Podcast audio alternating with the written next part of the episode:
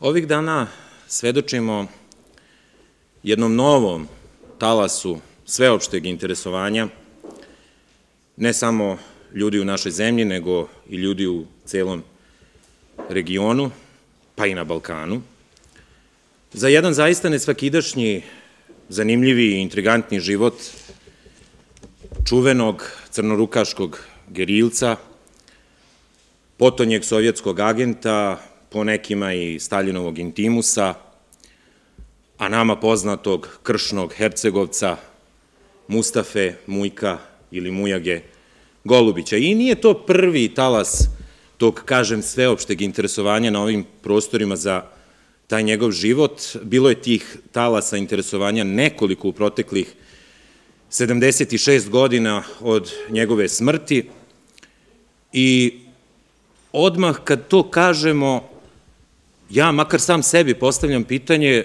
zbog čega vlada sveopšte interesovanje za život Mustafe Golubića. To pitam sam sebe, a naravno pitam i vas ovde prisutne, iz razloga što nam je svima poznato da Mustafa Golubić, osim zaista iskazanog, nesebičnog pregalaštva i unaštva, hrabrosti, u Prvom svetskom ratu i u Balkanskim ratovima, on zapravo u svom životu i, ajde da kažemo uslovno, uslovno rečeno, svojom delatnošću, nije ostavio nekih uspešnih, jeli, ili uh, realizovano uspešnih rezultata kojima, koje bismo mi mogli okarakterisati kao afirmativne ili pozitivne. Odnosno, njegova delatnost makar jeli, u povesnici srpskog etničkog kolektiviteta i kolektiviteta jeli, na Balkanu ili u društvima kojima je, u različitim društvima kojima je u toku svog života pripadao, on zaista nije ostavio neku pozitivnu ulogu, afirmativnu ulogu, makar ne u sferama prosvete, nauke, razvoja kulture, nacionalne politike, politike uopšte, uopšte javnog života. Kažem, osim onog segmenta kada je reč o njegovoj ulozi u Prvom svetskom ratu i u Balkanskim ratovima. I, kažem, pokazane hrabrosti u tim događajima istorijskim. U ostalim sferama javne delatnosti on nije imao neku afirmativnu ulogu. Međutim, to ne smeta da evo, i 76 godina posle njegove smrti, mi danas poklanjamo zaista ogromnu pažnju njegovoj ličnosti, njegovom životu, ulozi koju je imao, delatnostima koje je obavljao, aktivnostima kojima se bavio, aktivnostima kojima se bavio. I to nepodeljeno interesovanje, ta nepodeljena pažnja vlada kako u akademskim krugovima inteligencije, intelektualaca, tako i u najširim slojevima stanovništva na ovim prostorima. Dakle, osnovno pitanje je zbog čega je to tako. Zato smo se i okupili večeras i zato vas ja sa svoje strane sve pozdravljam i hvala vam što ste došli u zaista impozantnom broju da zajedno porazgovaramo o ovoj temi i da vidimo da li ova tema, pod broj 1, da li će odgovori koje možda pronađemo na, u okviru ovih naših razgovora i da li uopšte život Mustafe Golubića, i njeg, znači njegova uloga i njegove delatnosti, da li oni na bilo koji način, da li sve ovo što sam pomenuo na bilo koji način doprinosi razvoju kulture, ne samo, kažem, u našoj zemlji, ne samo u okvirima našeg etničkog kolektiviteta, nego u razvoju kulture društava, svih društava kojima je on u toku svog života pripadao. Na to pitanje morat ćemo da odgovor damo svi zajedno. Ali, da bismo ponudili jasan odgovor, mi prvo moramo da napravimo jednu jasnu distinkciju, jednu jasnu razliku između onoga što je stvarno bilo u njegovom životu, odnosno između činjenica iz njegovog života, iz njegove biografije, kojih je bilo bezbroj, i brojnih fikcija koje su nastale i u toku njegovog života, a koje su se bavile njegovom biografijom, odnosno koje potiču iz njegove biografije.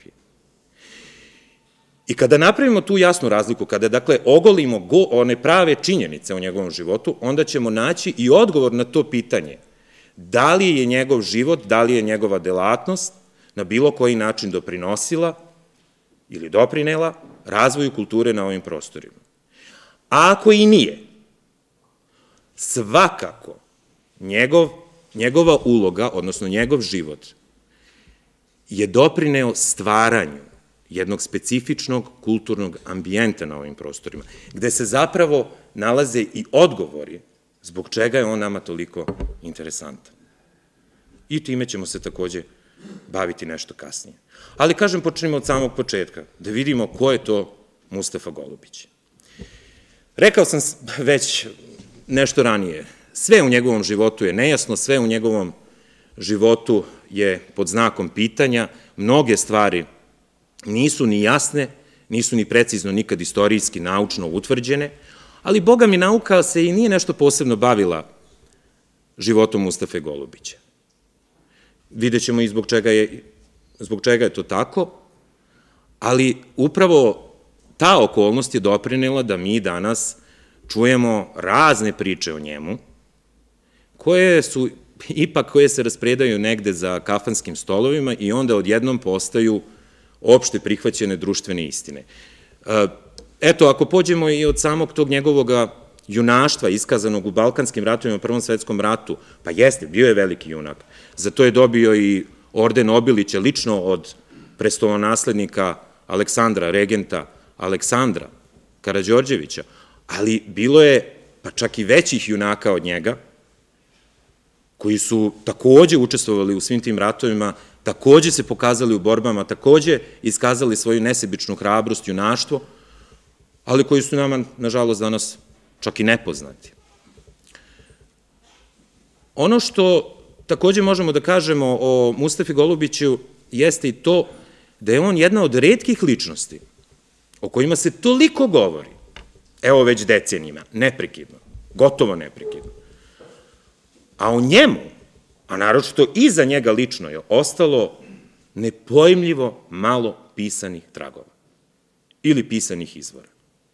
Sve ovo što mi, o čemu ćemo mi sada večeras govoriti, pa i ono što čujemo jeli, u javnosti, bazirano je negde na spisima, na dokumentima, koji su otkriveni u Istorijskom arhivu Beograda 1991. godine, odnosno kada je arhiva od Mustafi Golubiću konačno i otvorena, i na nekolicini dokumenta, nekoliko svega svežnjeva dokumenta koji, se nalaze i dan danas u arhivi KGB-a u Moskvi.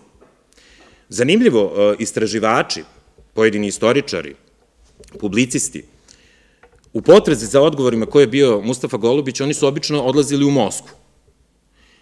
Naravno, nije lako uopšte doći u arhiv KGB-a, on nije dostupan svima, on je otvorenog tipa, ali nekolicini istoričara, kažem i uopšte e, interesenata za, za njegov život, odnosno istraživača, je, njima je to pošlo za ruku. I tamo su bili jako razočarani, kada su se susreli, kažem, sa svega nekoliko dokumenta ili nekoliko svežnjeva dokumenta koji ne otkrivaju bog zna šta, ali, na primjer, zato su pronašli negde dve i po hiljade veoma obimnih dosijeja o raznim jugoslovenskim komunistima i takođe agentima sovjetskih obaveštajnih i bezbednostnih struktura. Mustafa Golubić, evo, ni to ne znamo zasigurno, rođen je ili u oktobru 1889. godine ili u julu 1891. godine, a veliki broj pisanih tih, to malo pisanih u stvari ovaj, dokumenta i izvora o njemu, govori da je on rođen 1890. godine. Rođen je u Stocu, u jednoj siromašnoj zanatlijskoj porodici, od oca Muhameda i majke Nure. Imao je dve sestre, Zulku i Habibu, i jednoga brata. Habiba je bila najmlađe dete, a on e, se od početka pokazao kao vrlo darovit mališan. U borbama, odnosno u dečijoj igri, e, e, u lokalnim, jeli, sokacima, stoca, pa, odnosno u, hajde da kažemo i u nadmetanju i borbama sa ostalom decom uvek se pokazivao kao vrlo dominantan mladić i uvek je nametao u društvu svoju negde lidersku poziciju, odnosno tako se predstavlja u svojoj okolini. E, sa druge strane, bio je veoma darovit učenik i bio je najbolji učenik u svojoj osnovnoj školi, u Stocu, koju je uspešno završio. I kao najbolji učenik, dakle sa najboljim uspehom, upisao se u Sarajevu 1908. godine u realku, odnosno u gimnaziju. Tamo je završio pet razreda gimnazije i potom odlazi u Beograd, gde je i maturirao 1913. godine. Od samih početaka i svoje delatnosti, dakle od svojih najranijih dana, Mustafa Golubić je bio prožet, odnosno njegov intelekt i negde mentalni profil, bio je prožet dubokim nacionalnim osjećanjima, srpskim nacionalnim osjećanjima. Od početka se osjećao kao Srbin i e, sanjao je kao i brojni pripadnici njegove generacije, omladine iz tog perioda, sanjao je o jedinstvenoj, o stvaranju jedinstvene srpske zemlje, odnosno o, o, o oslobođenju svih srpskih zemalja, celog srpskog naroda, a onda i e, nakon tog oslobođenja i ujedinjenje tog istog naroda sa svim ostalim južnoslovenskim narodima. Dakle, bio je nacionalista, bio je srpski nacionalista i naravno nije bio jedin. Negde u tom periodu on postaje oduševljen idealima i uverenjima, ali i delatnošću Mlade Bosne. Kao što znamo, Mlada Bosna nije bila neka čvrsto ili tradicionalno, formalno uh, generisana organizacija, bila je više jeli, bazirana na nekom slobodnom članstvu koje je, koje je bilo okupljeno iz različitih jeli, ideoloških, uh, iz oblasti različitih ideoloških provenijencija, uh, nisu bili nešto međusobno dobro ni povezani, ali svejedno, dakle, on možda i nije bio formalno član te organizacije, ali je svakako svakako je nju podržavao, odnosno pokazivao je simpatije prema mladoj Bosni, i to snažne simpatije. 1913. godine, kažem, on je završio gimnaziju u Beogradu, postao je i stipendista Srpske kraljevske vlade i sa tom stipendijom odlazi dalje na studije u Švajcarsku i u Francusku, gde studira prvo tehnički, a onda i pravni fakultet. U Beogradu, dakle u toku trajanja njegovih gimnazijskih školskih dana, e, on pristupa i organizaciji Crna ruka ili ujedinjenje ili smrt. E sad, on sam je govorio u svojim dosijejima, odnosno za svoje dosijeje u anketama koji su bili potrebni za formiranje dosijeja o njegovom radu u sovjetskoj obaveštenoj službi, on sam je e, prilikom anketiranje govorio o tome da je on član te organizacije postao u Francuskoj, u Tuluzu. E, dok neki drugi izvori govore o tome da je on postao blizak crnorukašima negde u Beogradu, odnosno u toku svojih jeli, gimnazijskih dana. To je naravno vreme i Balkanskih ratova i on sam je dobrovoljno pristupio četničkim odredima ili dobrovoljačkim odredima Vojvode Tankosića, Voje Tankosića, i u borbama na Merdaru pokazao je zaista već pominjanu e, neustrašivost, hrabrost, jedno, jedno veliko pregalaštvo, junaštvo i, kažem, dobio je lično tada od regenta Aleksandra, odnosno prestolonaslednika Aleksandra, orden Obilića za hrabrost. Iz Balkanskih ratova on je izašao kao narednik srpske vojske, odnosno nosio je čin narednika srpske vojske, ali kao što znamo, uskoro se desila desili su se oni poznati događaji u Sarajevu, odnosno Sarajevski atentat, a uskoro je izbio i veliki rat. On nije bio u zemlji u vreme Sarajevskog atentata, niti u vreme izbijanja Prvog svetskog rata, makar je on to sam govorio, kasnije, govorio je da se on, pošto su ga povezivali naravno sa e, organizacijom koja je Danila Ilića pre svih, koja je izvela Sarajevski atentat, neki su mu pripisivali i kreatorsku ulogu u, u, u tom slučaju, da je on osmislio Sarajevski atentat, da je on koordinisao svim akcijama. On je to odlučno negirao i govorio je da je on u to vreme bio u Francuskoj, da nije imao veze sa samim atentatorima, te da je on Sarajevski atentat e, više propratio iz tadašnje štampe, ali da je svakako podržavao mladu Bosnu, ali negde više na tom duhovno-ideološko-propagandnom planu.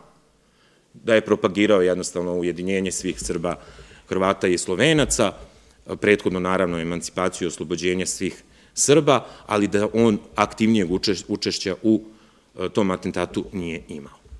E, u toku Prvog svetskog rata mi ne znamo na koji način, ali pretpostavlja se da je Dragutin Dimitrijević Apis tome kumovao. Prvo je bio angažovan u Užičkoj vojsci na mestu pisara, a nakon toga ga je Apis, verovatno Apis, mi to ne znamo za sigurno, preporučio vrhovnoj komandi da on, zajedno sa Dušanom Semizom i još jednim svojim e, kolegom iz vrhovne komande, ode u Rusiju, kako bi tamo organizovao dobrovoljačke odrede jugoslovenskih, odnosno zarobljenika, austro-ugarske vojske, koji su se nalazili, dakle, u ruskom zarobljeništvu, a koji su jugoslovenskoga porekla.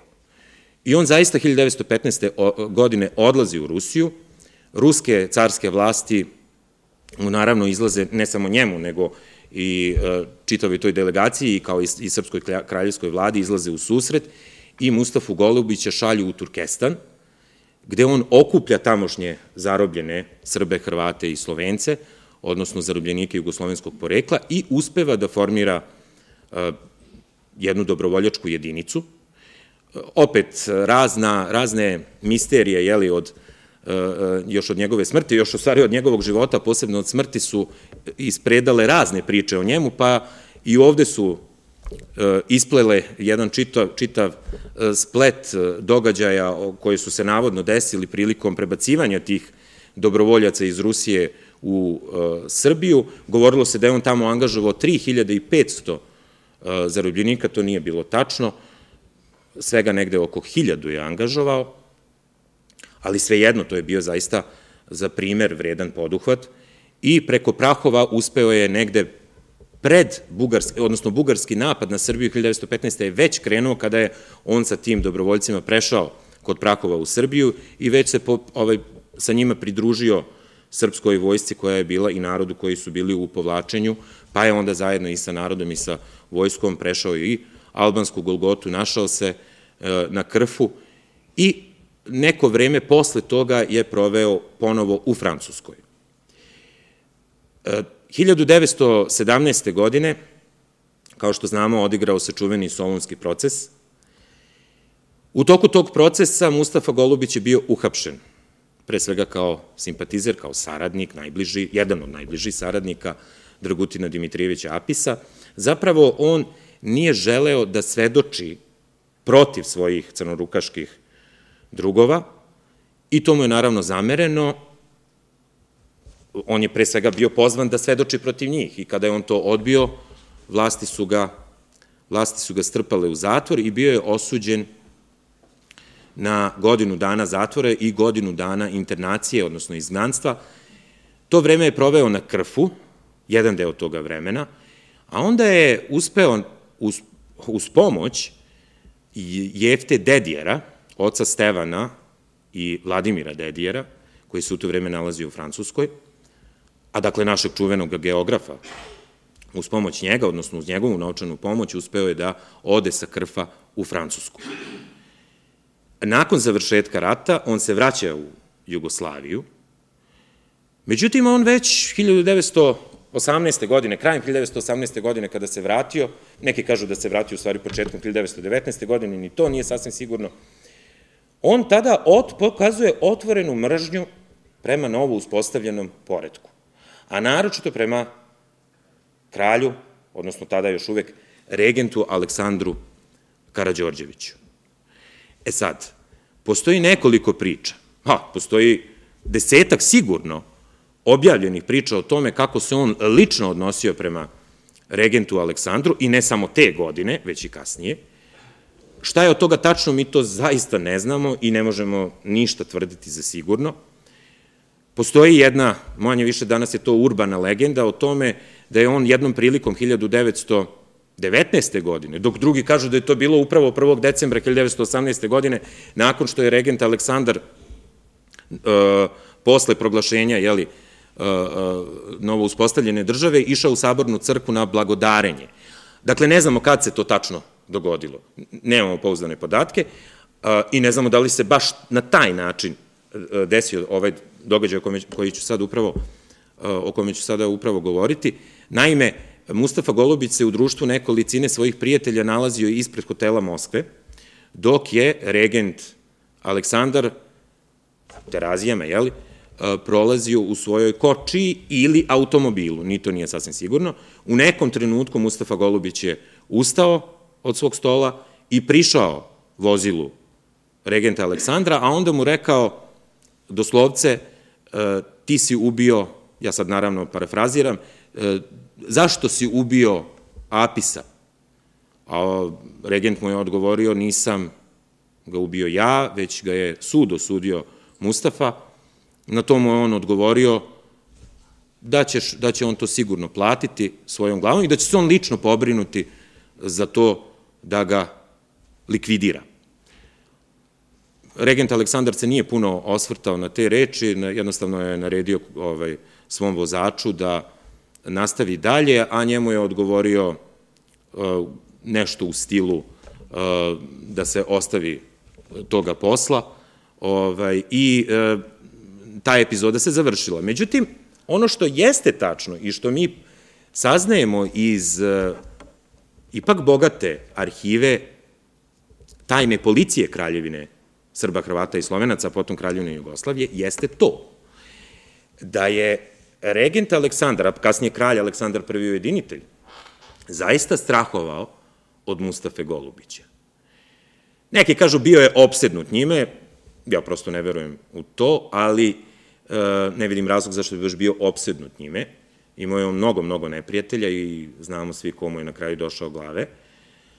Ali e, sasvim sigurno jeste polagao ogromnu pažnju kretanju e, Mustafe Golubića i zaista tajna policija Kraljevine Jugoslavije, prethodno Srba, Hrvata i Slovenaca, pratila je dosta Mustafu Golubića, bukvalno po svim evropskim zemljama, gde god je, jeli, njena ruka mogla da priđe.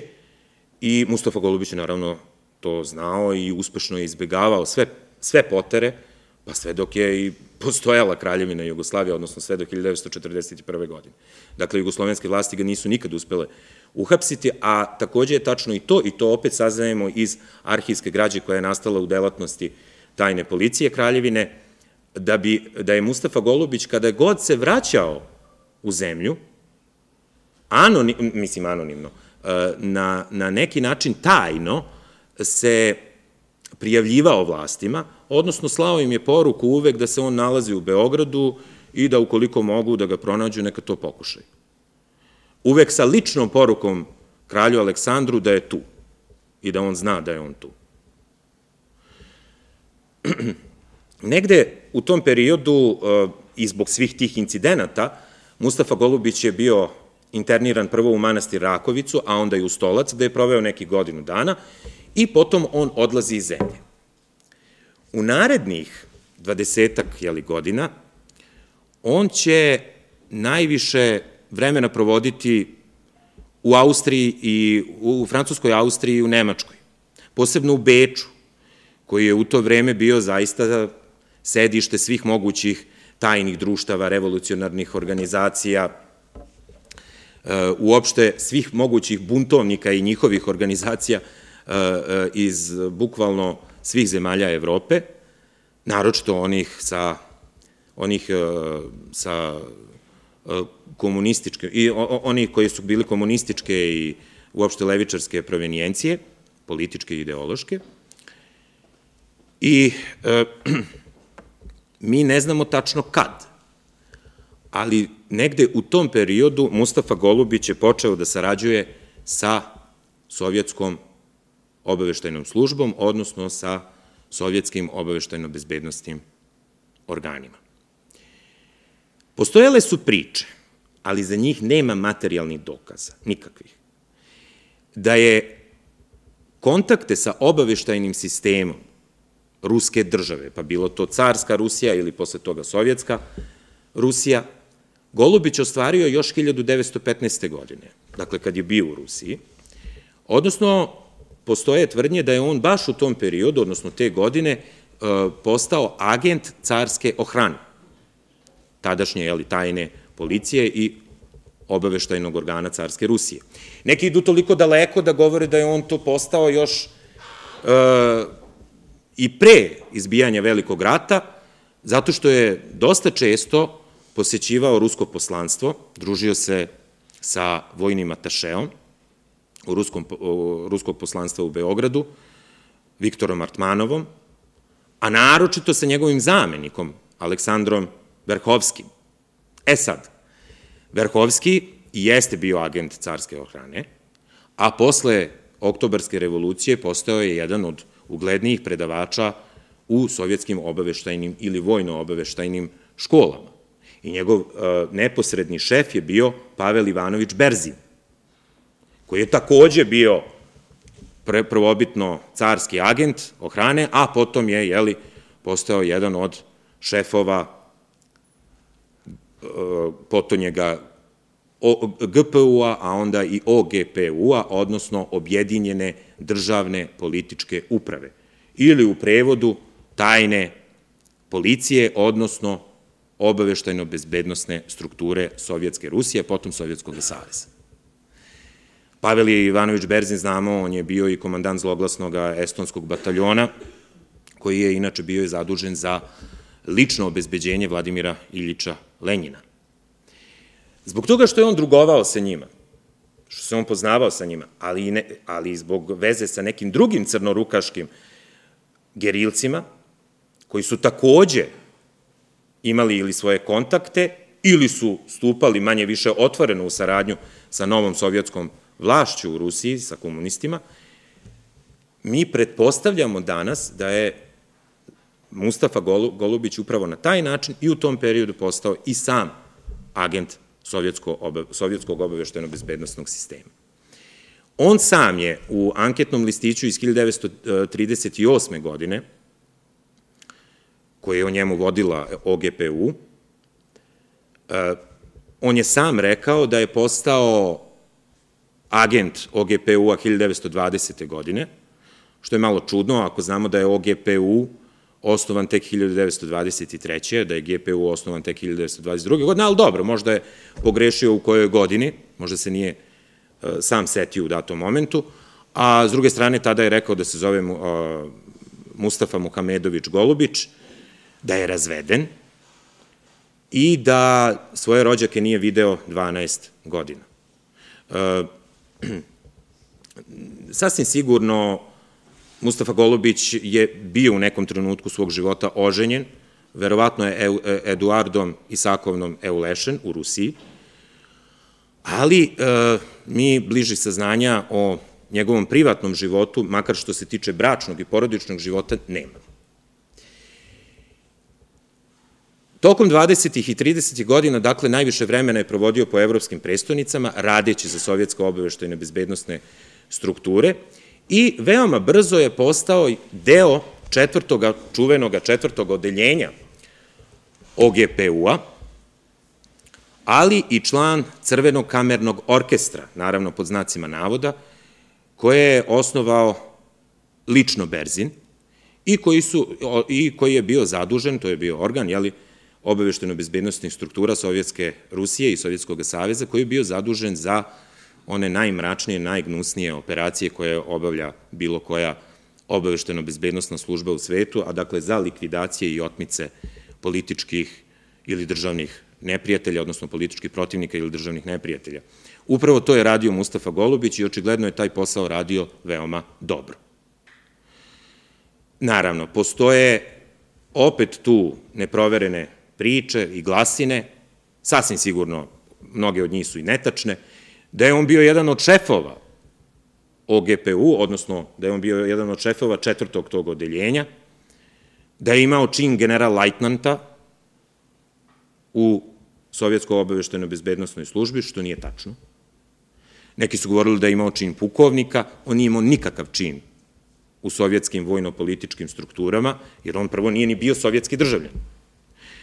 Tačnije, ruske vlasti i iz tog perioda dobro, u tom periodu se nisu posebno o tome ni izjašnjavali, ali posle rata, posle drugog svetskog rata i naročito od 1991. godine, oni to odlučno demantuju. Sve u svemu, 20. i 30. godina, širom Evrope, počeli su da nestaju viđeniji ljudi, uglavnom iz ruske emigracije. Otmice su bile na sve strane, ubistva su takođe bila česta i negde su sve evropske policije to pripisivale upravo Mustafi Golubiću. Da li on u svakoj toj operaciji učestvovao, meni je teško to da poverujem da je baš sve to postizao, ali da je učestvovao u velikom broju njih, to je tačno. Ono što je sigurno je bilo njegovo delo, to, jeste, to je bila otmica komandanta, jeli, Ruskoga opštega vojnog saveza, odnosno komandanta izbeglih belogardejskih snaga, generala Aleksandra Kutjepova, 1930. godine. E, Kutjepov je došao na to mesto nakon jeli, smrti Vrangela i to se dogodilo, ta otmica se dogodila 26. E, januara 1930. godine, svega nekoliko dana nakon što je taj Ruski opšti vojni savez dobio veliku novčanu materijalnu podršku francuske vlade u iznosu od 7 miliona tadašnjih franaka, kako bi ne, u nekom trenutku, u doglednom periodu, otpočela kontrarevolucija protiv boljševika u Rusiji.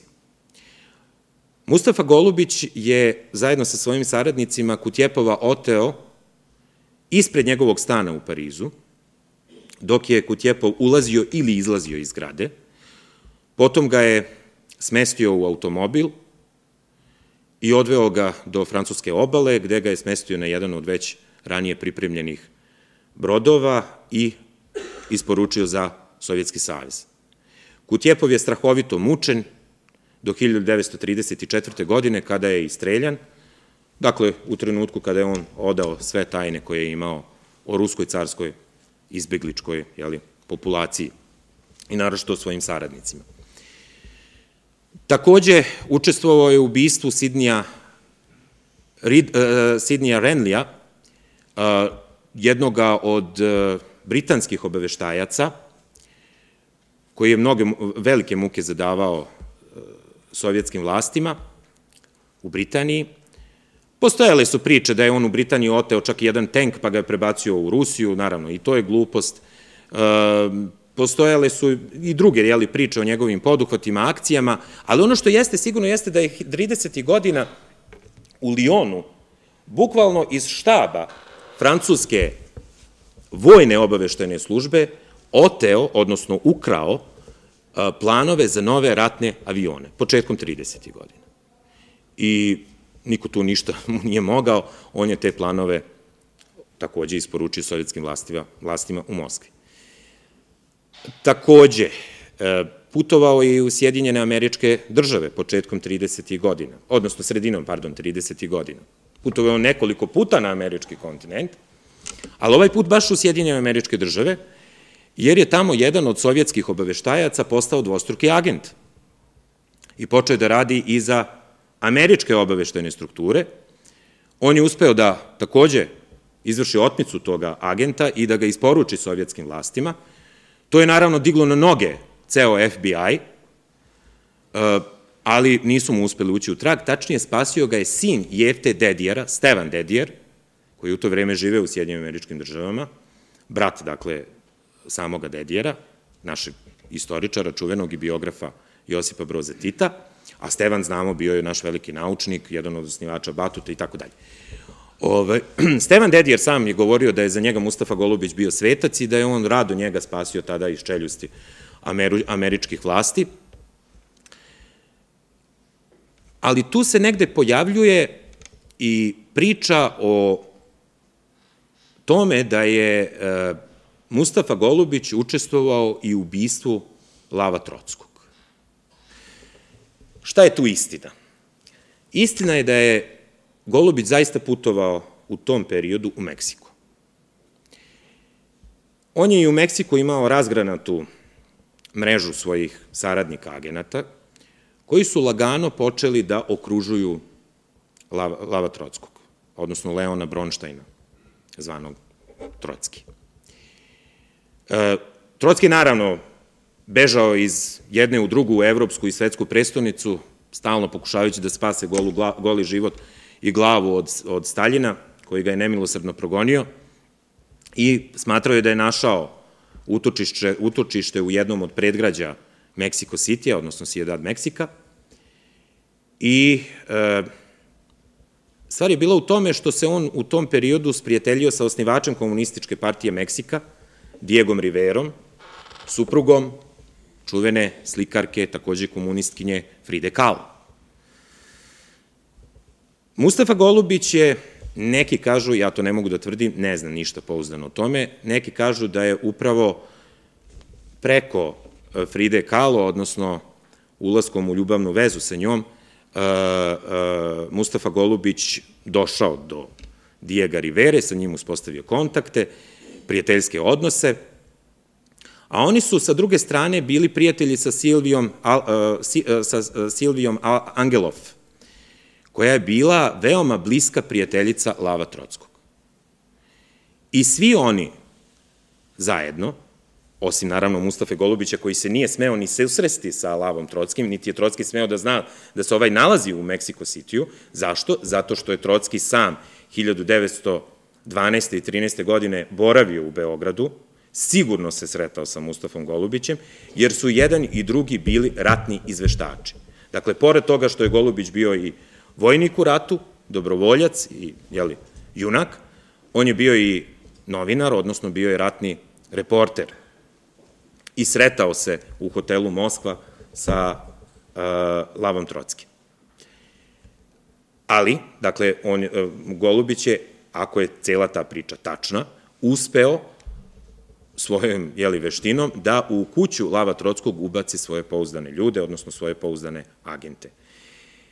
Taj trojac ili dvojac uh, Silvija Angelov i uh, Diego Rivera su dve godine pre ubistva Lava Trockog u njegovu kuću počeli da dovode izvesnoga Žaka Mornara, koji je navodno bio sin belgijskog diplomate. A zapravo radilo se o Ramonu Merkaderu, španskom komunisti, koji je dobio zadatak da ubije Trockog. Dve godine on je dolazio kod njega u kuću, razgovarao sa njim, družio se dakle sa Trockim i bilo je dovoljno svega nekoliko minuta da nakon dve godine, jel, u avgustu mesecu 1940. godine ostane nasamo sa Trockim i da mu, kada se Trocki okrenuo, odnosno kad mu je okrenuo leđa, da mu da, zada samrtni udarac krampom u glavu. Trocki je e, preminuo narodnog dana, a Merkader je uspeo da se, bio je uhapšen, ali je uspeo da se izvuče iz zatvora, neki kažu uz pomoć Golubića. Golubić, sa druge strane, kako je njemu to sve uspevalo? Kako je on mogao sa svojim imenom i prezimenom da putuje kroz sve te zemlje i da čini sva ta silna čudesa o kojima govorim? Pa prvo nije, naravno, putovao pod svojim imenom, bio je majstor konspiracije, bio je veoma vešt u maskiranju, a sad, postoje priče da je imao 250 pasoša, neki kažu 2500 pasoša, ali ja mislim da je tu neko dodao nulu, ovaj, i da je govorio 14 jezika. Prvo, ne verujem da je imao 250 pasoša, ne znam zbog čega bi imao 250 pasoša, ovaj, ili ne naročito 2500, ali sve jedno. Dakle, i to nam govori da je bio zaista vešt obaveštajac, da je bio sjajan agent i nije ni čudo što je baš radio za sovjetsku obaveštajnu službu. Ali zašto baš za sovjetsku obaveštajnu službu? Da li je Golubić bio iskreno komunista? i da li mi znamo da je on iskreno verovao u komunističke ideale i u san snove e, Vladimira Ilića Lenjina ili uh, Josifa Vesarionovića Staljina. Mi to uh, danas ne možemo da znamo za pouzdano iz razloga što sve što, sve što o čemu smo govorili, odnosno sva ova, o svim saznanjima koje smo, o kojima smo sada razgovarali, nama govore o tome da je on u saradnju sa Sovjetskom obaveštenom službom stupio zato što je bio ljut, bio je razočaran u kralja Aleksandra, bio je razočaran u dinastiju Karadžorđević, bio je dakle razočaran u srpsku državu i srpske vlasti zbog postupaka prema Apisu i Crnoj ruci. E, neke druge ideološke postavke u njegovom delovanju mi ne pronalazimo. On nije iza sebe ostavio nikakve spise, nikakve svoje tekstove, radove iz kojih bismo mi mogli da znamo za pouzdano o čemu je on razmišljao i kakve, kakve ideološke stavove imao. To mi, dakle, ne znam. Ali, mislim da možemo sa sigurnošću da potvrdimo da je bio ipak blizak sa Staljinom. Odnosno, evo ja ću se usuditi da to učinim. Mi i ni o tome, naravno, nemamo pouzdanih podataka, nemamo pouzdanih e, dokaza, zaista nemamo ništa.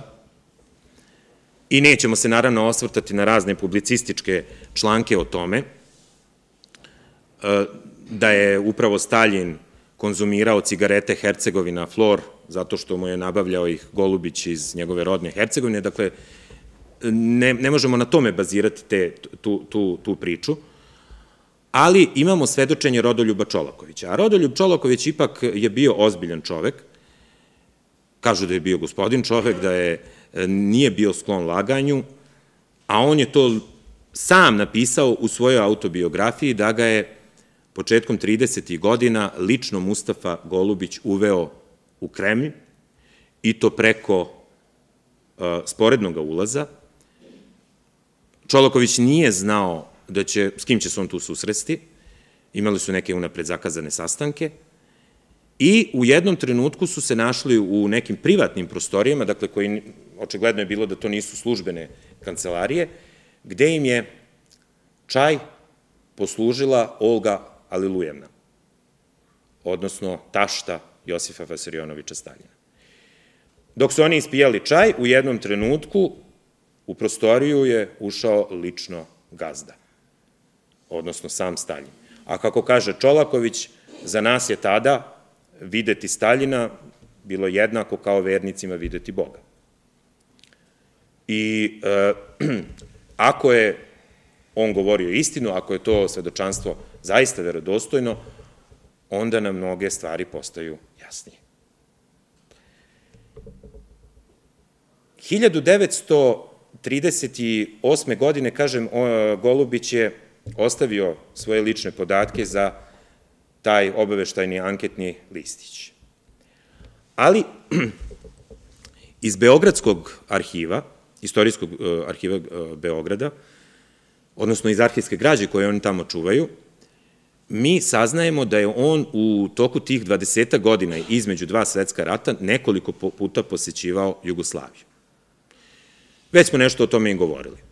Ali postoji jedan interesantan podatak da je od 1928. pa do 1941. nekoliko puta posećivao i Leskovac. Tačnije, da je u dužem vremenskom periodu upravo i živeo u Leskovcu. I e, da je nakon povratka iz Sjedinjenih, pardon, iz Amerike, o čemu svedoči i njegova sestra Habiba, da je on pričao da je došao brodom kao slepi putnik iz Meksika i da je tom prilikom preživeo dugotrajni put tako što je jeo banane. Ovaj, nakon, dakle, tog puta, krajem 1940. godine, on se opet nastanio u Leskovcu, gde su ga ljudi znali pod imenom Milorad Nikolić, gde je on bio obućar, držao je obućarsku radnju Venera, bio je vrlo uspešan obućar, dakle, uspešan zanatlija, kuvao je e, svoj čuveni bosanski lonac svojim sugrađanima ili komšijama i bio je vrlo omiljen u kraju. Stanovo je e, kod e, izvesne penzionerke, zvala, koja se zvala Paraskeva, I e, sasvim sigurno je ta kuća i ta obućarska radnja predstavljala jedna, jedan od centara obaveštajnih obave, obaveštajnih jeli, e, aktivnosti koje je sprovodio Mustafa Golubić u Jugoslaviji. Negde pred početak drugog svetskog rata u Jugoslaviji, Golubić je tražio, pardon, negde pred početak drugog svetskog rata uopšte, Golubić je tražio i dobio pasoš za odlazak u Sovjetski savez, a onda se, e, nakon obavljenih jeli, poslova u Americi, vratio u, u Leskovac, kažem. I tu ga je zatekao, zatekla vest o potpisivanju pristupanja Jugoslavije Trojnom paktu. Ubrzo, 31. marta, ambasador Sovjetskog saveza u Jugoslaviji, Plotkin, preneo je informacije koje je dobio iz tajne depeše svog ministra spoljnih poslova, narodnog komesara Vjačeslava Molotova, da se hitno formira delegacija jugoslovenska, koja će ići u Mosku radi pregovora sa Sovjetskim savezom o uspostavljanju saradnje između Kraljevine Jugoslavije i Sovjetskog saveza. Kao što znamo, Jugoslavija je bila poslednja država Evrope koja je priznala novu sovjetsku vlast, odnosno Sovjetski savez, naravno iz pijeteta prema Ruskoj carevini i prema carskoj porodici, a od kad je to, od kada se to dogodilo, od kad je Milan Gavrilović 1940. preuzeo dužnost poslanika u Jugoslavije u Moskvi, oni, jugoslovenske vlasti su pokušavale stalno da uspostave bliže kontakte sa sovjetskim vlastima i da na neki način, koliko god je to moguće, iz njihovih rezervi obezbede za sebe, za sebe pomoć, koja će im sigurno trebati u narednom periodu kada dođe do nacifašističke agresije. Formirana je delegacija u čije, čije član bio je Mustafa Golubić. Vođa te delegacije bio je Božin Simić, koji je bio takođe crnorukaš i saradnik i prijatelj Mustafe Golubića. I Božin Simić je upravo i preporučio Golubića da da bi bilo jeli, neophodno da i on se nađe u toj delegaciji prilikom pregovora sa Sovjetima. Ta delegacija je otišla u Mosku i tamo, je, tamo su vođeni pregovori sa sovjetskim vlastima i u noći 5. na 6. Jeli, april, svega nekoliko sati, pre početka bombardovanja Beograda i napada na Jugoslaviju, potpisan je sporazum o prijateljstvu i saradnji između Sovjetskog savjeza i Jugoslavije. Naravno, taj sporazum nije mogao biti nikako realizovan. Znamo, Jugoslavija se našla u aprilskom ratu, a uskoro je bila i poražena, a onda i raskomadana od fašističkih sila. Međutim, Golubić se zbog nekog zadatka, mi ne znamo kakvog, vratio u okupiranu zemlju negde sredinom aprila.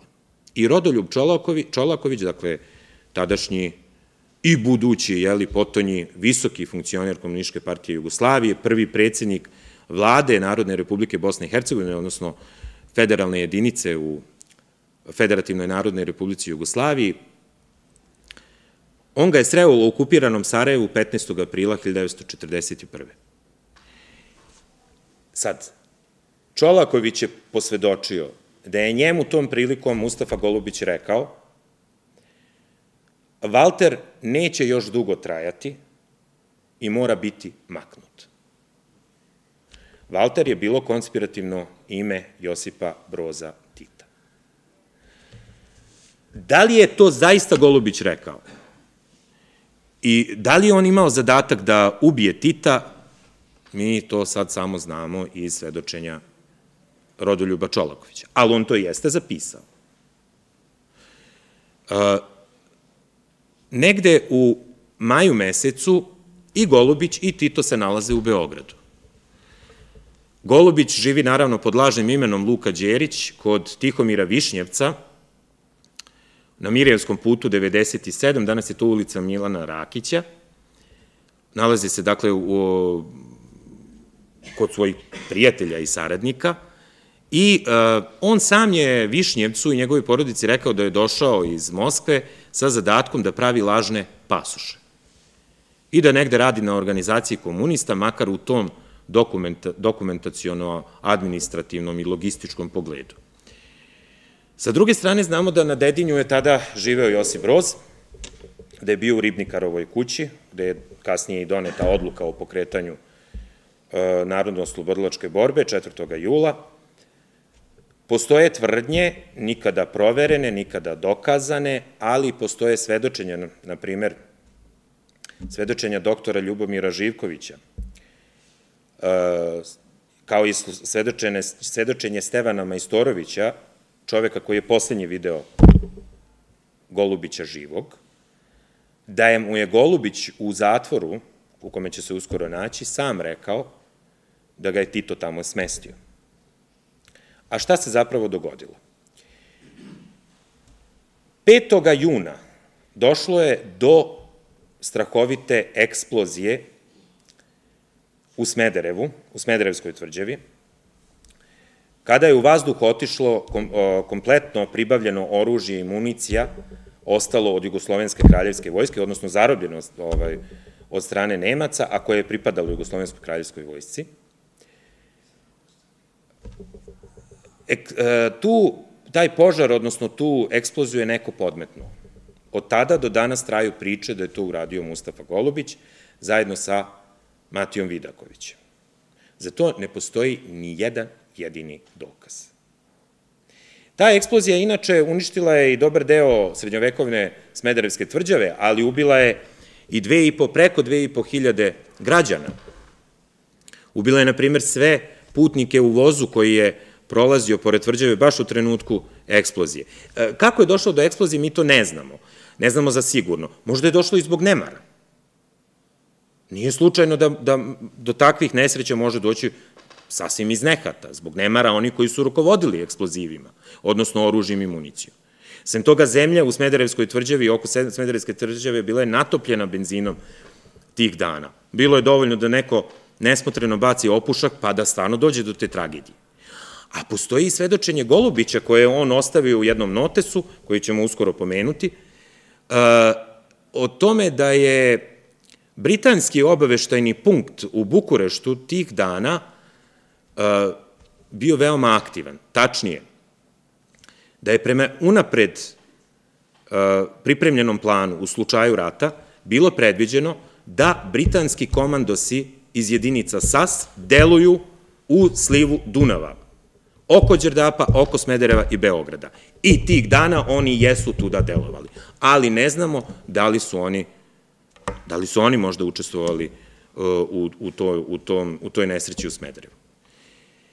Uh, možda i Golubić, ali ne vidimo razlog zbog čega bi Golubić to činio ako je dolazio od Staljina i ako je slušao naređenja Staljinova i ako je imao jasna upustva sovjetskih vlasti kako treba da se ponaša, onda on to nikad ne, bih mogao, ne bi mogao da uradi. Zato što je tada bila izričito zacrtana politika sovjetske vlade da se Nemci, nacisti, ne smiju ni pod koju cenu provocirati. A to je malo više od provokacije. Složit ćemo se.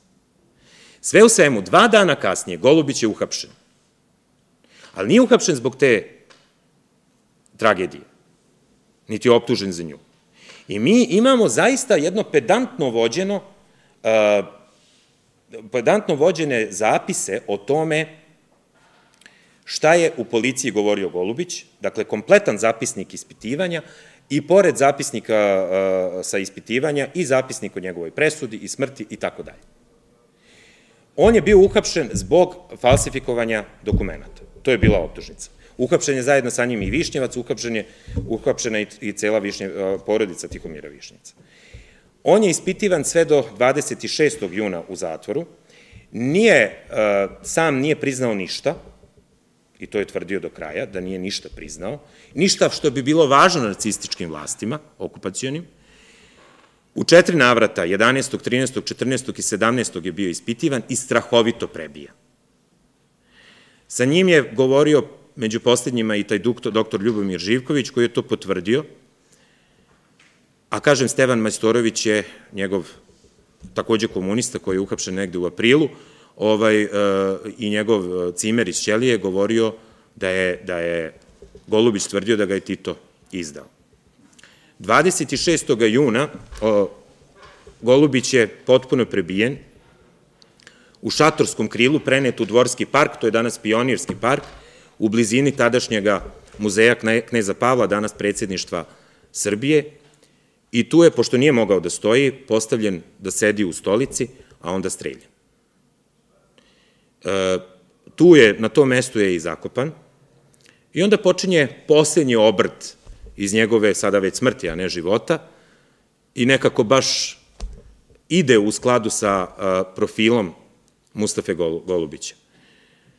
Navodno, 1944. godine po oslobođenju Beograda, pripadnici Smerša, odnosno obaveštajne službe Trećeg Ukrajinskog fronta, po ličnom naređenju Staljinovom, prvo što su uradili, iskupali su posmrtne ostatke Mustafe Golubića i kao narodnog heroja Sovjetskog savega preneli ga u Mosku, gde je po nekima sahranjen u, ispod Kremlja, po nekima sahranjen na groblju narodnih heroja i sve, i, sve ovo što sam rekao je apsolutna neistina. Da bi Golubić mogao da bude sahranjen sa svim vojnim počastima i kao narodni heroj Sovjetskog saveza, on je prvo morao da bude sovjetski državljanin. Same, kažem, sovjetske vlasti, sovjetski istoričari, historiografija i ruski današnji, oni to odlučno pobijaju i tvrde, dok, na primjer, pojedini srpski istoričari i delovi srpske historiografije tvrde da je to tačno, da je on upravo odnet tamo i tamo sahranjen. Ivo Andrić i upravo Dedijer su posle rata, 50. godina, šetali se jednom prilikom pionirskim parkom e, i tom prilikom je Dedijer rekao da je baš čudno mesto, jeli, ili specifično mesto na kome leži Mujko, uh, da je to sigurno negde tu u blizini muzeja Kneza Pavla, na što mu je Ivo Andrić odgovorio, pa gde ćeš lepše mesta ove, da budeš sahranjen nego mesta koje nije groblje, ove, koje je uvek sumorno, za razliku od parka. Dakle, da li je on sahranjen i dalje u Pionirskom parku ili je prenet na neko drugo mesto ili se zaista nalazi u Moskvi, ne znamo, znamo da u Moskvi postoji groblje Kuncevo, gde su sahranjeni brojni sovjetski obaveštajci, e,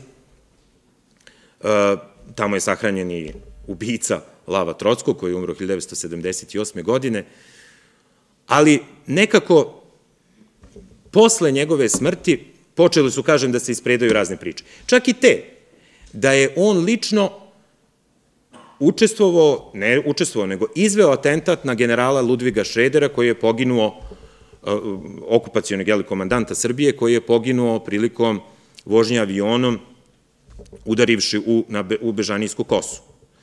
Takođe, tvrdilo se da je on postavio eksploziv, Golubić da je postavio eksploziv ispod tribine na kojoj je nekoliko dana ranije Šreder trebalo da govori. Ili da posmatre defile Nemačke okupacijone vojske u Beogradu. Pa te, zatim da je, da je podigao u vazduh uh, uh, garažu, odnosno benzinsku stanicu na Tašmajdanu i tako dalje. Sve to su pokušale da negde definišu, odnosno da daju ispravne odgovore o tome da li se to zaista dogodilo jugoslovenske vlasti 50. godina i to je vreme kada počinje prvi veliki talas interesovanja javnosti u Jugoslaviji za život Mustafe Golubića. Počinju se snimati televizijske emisije o njemu, od 60. godina počinju da, ovaj, po, po, počinju uh, da, da izlaze jeli, u publikacijama različitog karaktera razni tekstovi o Mustafi Golubić, Golubiću i on postaje negde junak socijalističke Jugoslavije, ali o kome jugoslovenske političke elite nerado govore i ne samo jugoslovenske e, politi, političke elite, nego i intelektualne. I to jeste ono što je zanimljivo. Zbog čega? Zbog čega je nekome možda bilo neprijatno da govori o Mustafi Golubiću? Nama večeras to nije bilo neprijatno, govorit ćemo i dalje, ne zato što je on možda e, doprineo, kažem, razvoju kulture, nauke, prosvete, nekih afirmativnih, jeli, sfera života, javnoga ili privatnoga života, svejedno, u Srbiji na ovim prostorima, već zato što je uticao na stvaranje specifičnog kulturnog ambijenta, a kakav je karakter tog kulturnog ambijenta, to opet na to trebamo sami sebi da damo odgovor. Ja vam se zahvaljujem.